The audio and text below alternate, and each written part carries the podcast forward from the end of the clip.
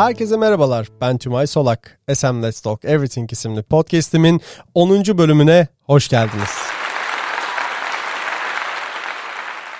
Bu hafta özellikle pandemi döneminde adını daha sık duyduğumuz şirket bağlılığı ya da diğer bir adıyla çalışan bağlılığı nedir? Nasıl algılanmalıdır ve sizin olmayan herhangi bir şeye nasıl sizinmiş gibi davranırsınız konularına yakından bakıyor olacağız. Hadi başlayalım.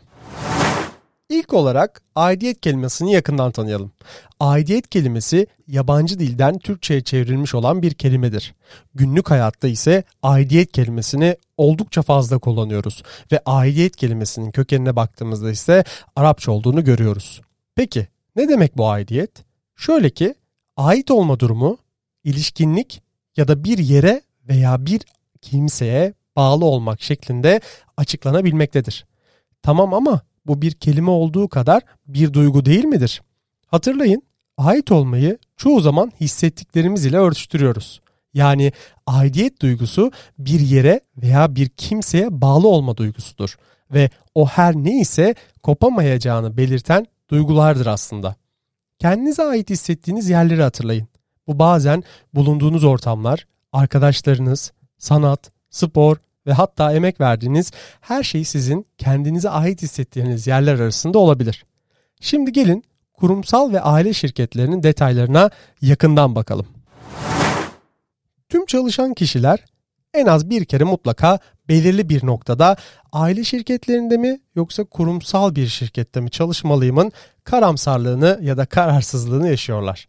Bu nedenle de öncelikle aile şirketi ve kurumsal şirketin tanımlarını yapmak isterim. Öncelikle aile şirketi ile başlayalım ve aile şirketleri genelde ayakta kalmayı hedefleyen, yönetimsel olarak akraba ilişkileriyle idare edilen, girişimcilik ruhlu ve sürekli büyümeye çalışan oluşumlara denmektedir. Aile şirketini genellikle ailenin büyüğü yönetir.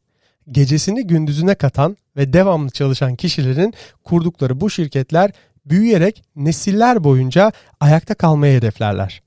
Bu işletmelerin adı bu kişinin adı ya da soyadı ya da her ikisiyle de anılabilmektedir.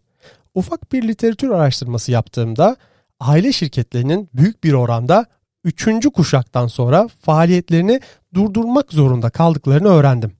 Hatta bir Meksikalı sosyal bilimci ise aile şirketleriyle ilgili gözlemlerini şöyle özetliyor. Birinci uşak kurar, ikinci kuşak zamparalık yapar, üçüncü kuşak ise dilencilik yapar şeklinde özetliyor. Mizah açısından yaklaşım bir hale esprili olsa da genelleme sonuçlarını bir biçimde ifade ettiğini düşünüyorum. Başlarda aile şirketi olarak başlayan, günümüzde ise kurumsal bir yapıya bürünen, küresel anlamda hizmetler sağlayan ve ürünler üreten Amerika'da Ford, Türkiye'de ise Koç ve Sabancı gibi şirketler örnek gösterilebilir.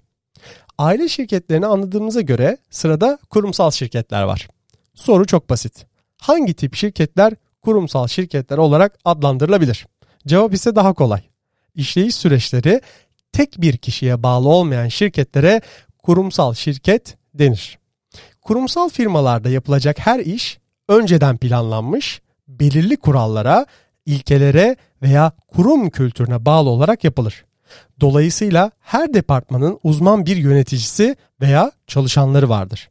Çalışanlar neyi, nasıl yapması gerektiğini önceden bilirler. Kurumsallaşmış şirketlerde personeller tepedeki bir kişinin yönetimiyle değil de bağlı oldukları departmanın yönetimiyle çalışırlar ve bir kişinin eksikliği genel işleyişi asla değiştirmemektedir. Her iki şirket tipinde paylaştığıma göre arasındaki farkları aile şirketi açısından da paylaşmak istiyorum. Aile şirketlerinde denetim yok denecek kadar zayıftır. Ölçümleme genellikle toplam kar zarar toplam ürün giriş çıkışı gibi basit maddelerle incelenir. Çalışanların iş ve görev tanımları açık bir şekilde paylaşılmamıştır ya da bulunmamaktadır. Aile şirketlerinde genellikle gerçekçi veya profesyonel misyon ve vizyon yeterli bulunmamaktadır. Kararlar uzman kişilerce yapılan toplantılarla değil de üçüncü kuşak Ali dedemizin o günkü ruh haline göre alınabilir. Her departmanın bir yöneticisi değil de bir yöneticinin birden çok departmanı bulunur. Kurumsal şirketlerde ise bu durum tam tersi olarak düşünebilirsiniz.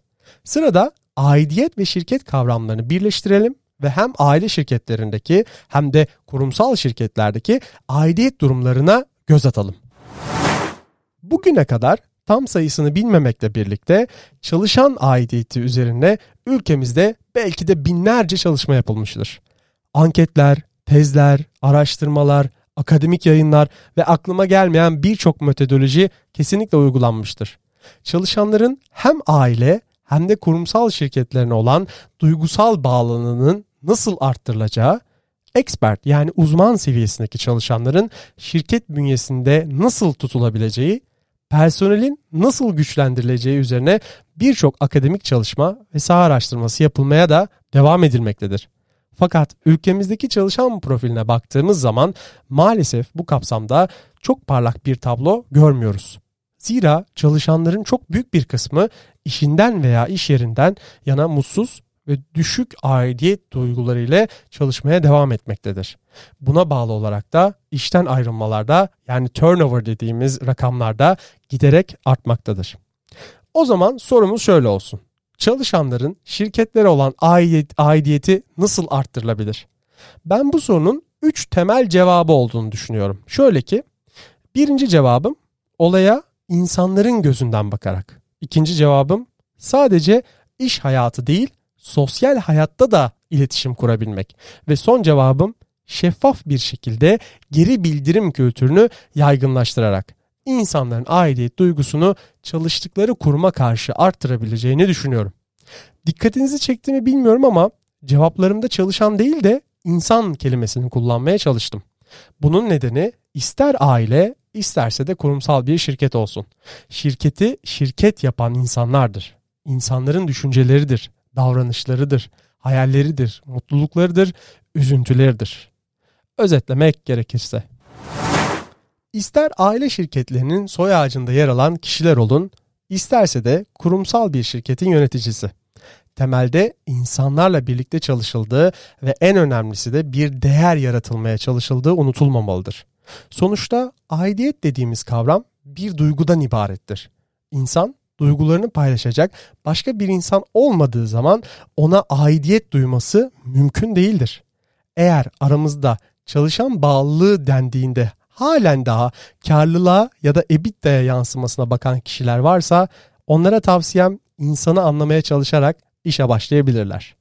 Evet bu haftalık da benden bu kadar. Umarım sizler de benim kadar keyif alıyorsunuzdur. Yorumlarınız için bana mail atabilir veya LinkedIn üzerinden ulaşabilirsiniz. Gelecek hafta görüşmek dileğiyle. Hoşçakalın.